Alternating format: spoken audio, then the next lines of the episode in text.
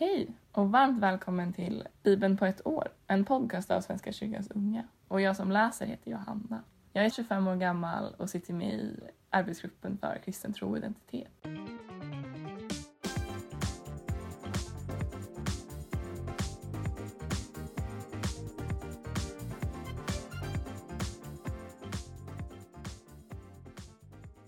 Innan vi börjar läsa så tänker jag att vi ska be lite.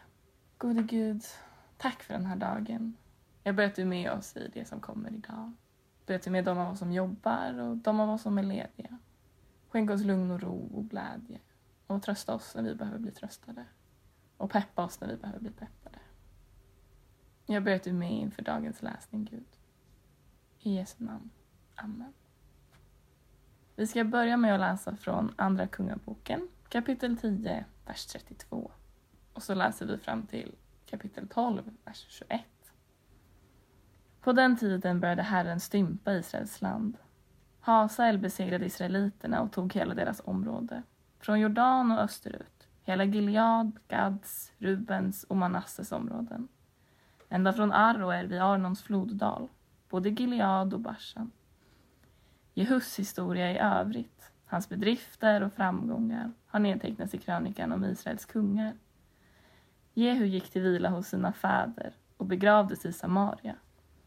Hans son Joakas blev kung efter honom. Den tid Jehu regerade över Israel i Samaria var 28 år.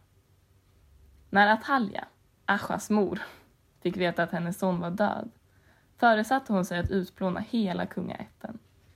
Men Joseva, som var dotter till kung Joram och syster till Achasa, lyckades gömma undan Achasas son Joash just som kungabarnen skulle dödas. Hon förde honom och hans amma till klädkammaren och på det sättet kunde man hålla honom dold för Atalja så att han kom undan med livet. I sex år stannade han hos henne, gömd i Herrens hus, under den tid Atalja regerade i landet. Under det sjunde året skickade prästen Jojada bud efter kariernas och Livgardets officerare. Han samlade dem omkring sig i Herrens hus och sedan han slutit ett förbund med dem där, som de fick bekräfta med en ed, visade han kungens son för dem. Därpå gav han följande befallningar. Så här ska ni göra. Den tredjedel av er som går på sitt pass på sabbaten och har vakten vid det kungliga palatset och de två andra tredjedelarna, alla de som går av sitt pass på sabbaten och har vakten vid templet. Ni ska sluta upp omkring kungen, alla med vapen i hand. Om någon försöker ta sig fram till pelarraden ska han mista livet. Följ kungen vart han än går. Officerarna gjorde som prästen Jojada hade befallt dem. Var och en tog sitt manskap, både de som gick på och de som gick av sitt pass på sabbaten, och kom så till Jojada. Han gav dem de spjut och koger som hade tillhört kung David och som fanns i Herrens hus.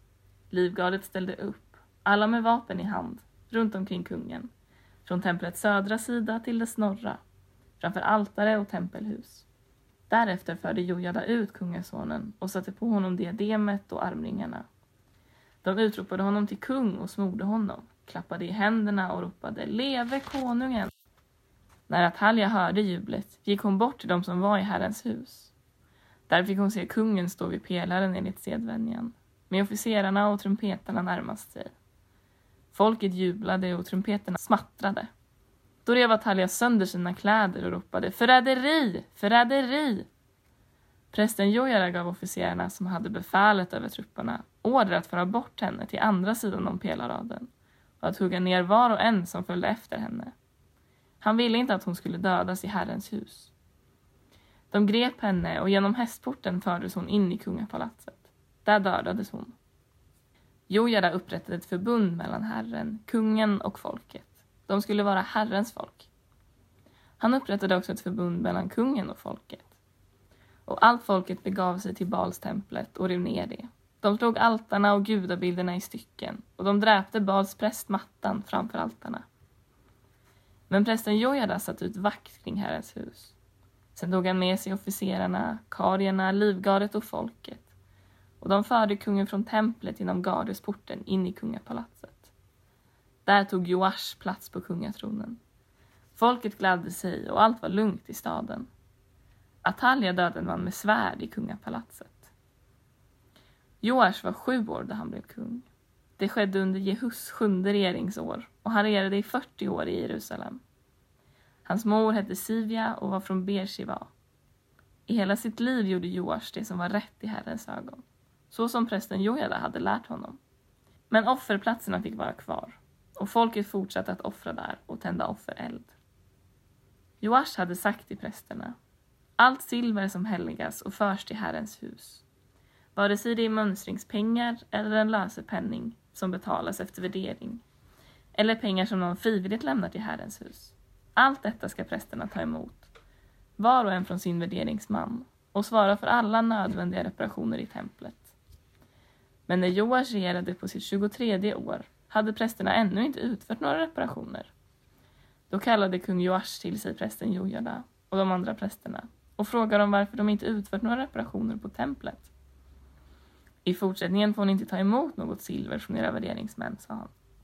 Ni ska istället låta det gå direkt till templets underhåll. Prästerna samtyckte. De skulle inte ta emot pengar av folket, men behövde i gengäld inte heller reparera templet. Prästen Jojada tog nu en kista, gjorde ett hål i locket och satte den vid stenstoden, på högra sidan när man kommer in i Herrens hus.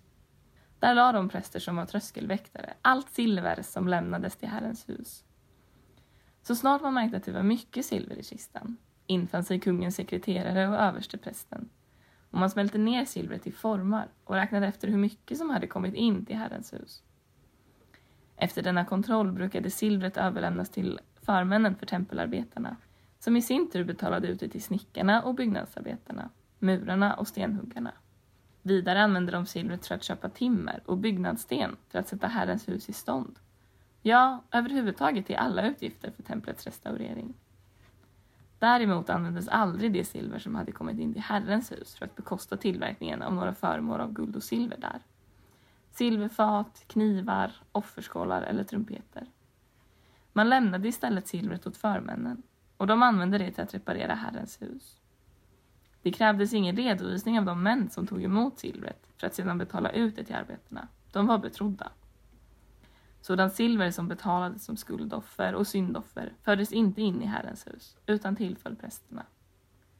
Vid denna tid drog aramerkungen Hasael ut mot Gat, angrep staden och intog den. Sen beredde han sig att tåga upp mot Jerusalem. Då tog kung Joash av Juda alla tempelgåvor som hans fäder, kungarna av Juda, Josafat, Joram och Achasha, hade helgat, liksom vad han själv hade helgat, och allt guld som fanns i skattkamrarna i Herrens hus och kungapalatsets skattkammare. Allt detta skickade han till aramerkungen Hasael, som då avstod från att angripa Jerusalem. Joars historia i övrigt, hans bedrifter, har nedtecknats i krönikan om judakungar. Hans närmaste män sammansvor sig mot honom och dödade honom vid Millo. Det var ett par av dem, Josakar, Shimats son, och Josavad, Shomers son, som slog ihjäl honom. Han begravdes bland sina fäder i Davids stad. Hans son Amasha blev kung efter honom. Sen hoppar vi till Apostlagärningarna. Sedan lämnade han Aten och for till Korint. Där träffade han en jude vid namn Akila som stammade från Pontos men som tillsammans med sin hustru Priscilla nyligen hade kommit från Italien eftersom kejsar Claudius hade låtit utvisa alla judar från Rom. Paulus sökte upp dem och då han hade samma yrke stannade han hos dem och arbetade. De var sadelmakare. Varje sabbat talade Paulus i synagogan och försökte övertyga både judar och greker. När Silas och Timoteus kom ner från Makedonien var han fullt upptagen av sin förkunnelse och vittnade inför judarna att Jesus är Messias. Men när man då svarade med invändningar och smädelser skakade han sina kläder och sa Ert blod må komma över era egna huvuden. Jag är utan skuld. Från och med nu vänder jag mig till hedningarna. Så gick han därifrån och flyttade över till Titius Justus, en gudfruktig man vars hus låg vägg i vägg med synagogan. Men synagogsföreståndaren Crispus och hela hans familj kom till tro på Herren och många andra korintier som hörde Paulus trodde och lät döpa sig. En natt sa Herren till Paulus i en syn. Var inte rädd, utan fortsätt att predika och låt dig inte tystas. Ty jag är med dig. Ingen ska angripa dig och göra dig något ont. Här i staden är det många som hör till mitt folk. Paulus stannade kvar där i ett och ett halvt år och undervisade dem om Guds ord. Det år då Gallio var ståthållare i Akaja förenade sig judarna i ett angrepp på Paulus, drog honom inför domstolen och sa att han förledde människor till att dyrka Gud på ett sätt som stred mot lagen. Men innan Paulus han tar till orda sa Gallio till judarna. Om det gällde något brott eller skurkstreck skulle jag naturligtvis lyssna på er judar. Men grälar ni om ord och namn och er egen lag, då är det er ensak. I sådana tvister vill jag inte vara domare. Därmed körde han bort dem från domstolen. Då kastade sig alla över synagogsföreståndaren Sostenes och misshandlade honom mitt framför domartribunen. Paulus stannade där ännu en tid, men tog sedan farväl av bröderna och avseglade till Syrien i sällskap med Priskilla och Akilla. I Kencherai hade han dessförinnan låtit klippa av håret eftersom han hade avlagt ett löfte. När de kom till Efesos skildes han från sina reskamrater. Själv gick han till synagogan och talade till judarna. De bad honom stanna där längre, men han avböjde och tog farväl med orden Jag kommer tillbaka till er en annan gång, om Gud vill. Sen gick han ombord och lämnade Efesos. Han steg i land i Caesarea och for upp till Jerusalem för att hälsa på församlingen där, varpå han reste till Antiochia. Då rör vi oss tillbaka till Gamla Testamentet och till Saltaren. Vi ska läsa Saltaren 145, en lovsång av David. Jag sjunger om din storhet, Gud, min konung. Nu och för evigt prisar jag ditt namn. Dag efter dag vill jag prisa dig. Nu och för evigt sjunga ditt lov. Stor är Herren, högt är han prisad. Ingen kan fatta hans storhet. Släkte efter släkte ska hylla dina verk och vittna om dina väldiga gärningar. De ska tala om din härlighet, ditt höga majestät. Och de under som du gör vill jag besjunga. De ska prisa din fruktansvärda makt och din storhet vill jag förkunna. De ska ropa ut din stora godhet och jubla över din trofasthet. Nådig och barmhärtig är Herren, sen till vrede och rik på kärlek. Herren är god mot alla, barmhärtig mot allt han har skapat. Herre, allt du har skapat ska tacka dig. Dina trogna ska lovsjunga dig. De ska tala om ditt rikes ära och förkunna din väldiga kraft, så att alla lär känna din makt, ditt rikes ära och härlighet. Ditt rike står i alla tider, ditt välde från släkte till släkte. Gud håller sina löften, kärleksfull i allt han gör. Herren stöder dem som vacklar, han rätar krökta ryggar. Allas ögon är vända mot dig och du ger dem föda i rätt tid. Du öppnar din hand och stillar allt levandes hunger. Rättfärdig är Herren i alla sina gärningar, kärleksfull i allt han gör. Herren är nära alla som ropar, alla som av hjärtat ropar till honom. Herren gör vad de fromma begär, han hör deras rop och räddar dem. Herren skyddar dem som älskar honom, men alla de onda förgör han. Herrens lov vill jag sjunga. Allt som lever skall prisa hans heliga namn, nu och för evigt. Till sist ska vi läsa från Ordspråksboken kapitel 18, vers 1. Särlingen söker sak och går till storms mot allt vettigt. Tack för att ni var med och läste idag. Jag hoppas ni får en jätte, jättefin dag. Och så ses vi imorgon igen. Hej då! Vi har träffats varje år sedan 1993 Nu ska vi bli starkare om vi får be Nu ska vi fira, vi är 30 år, kyrkan så unga Har samlats för att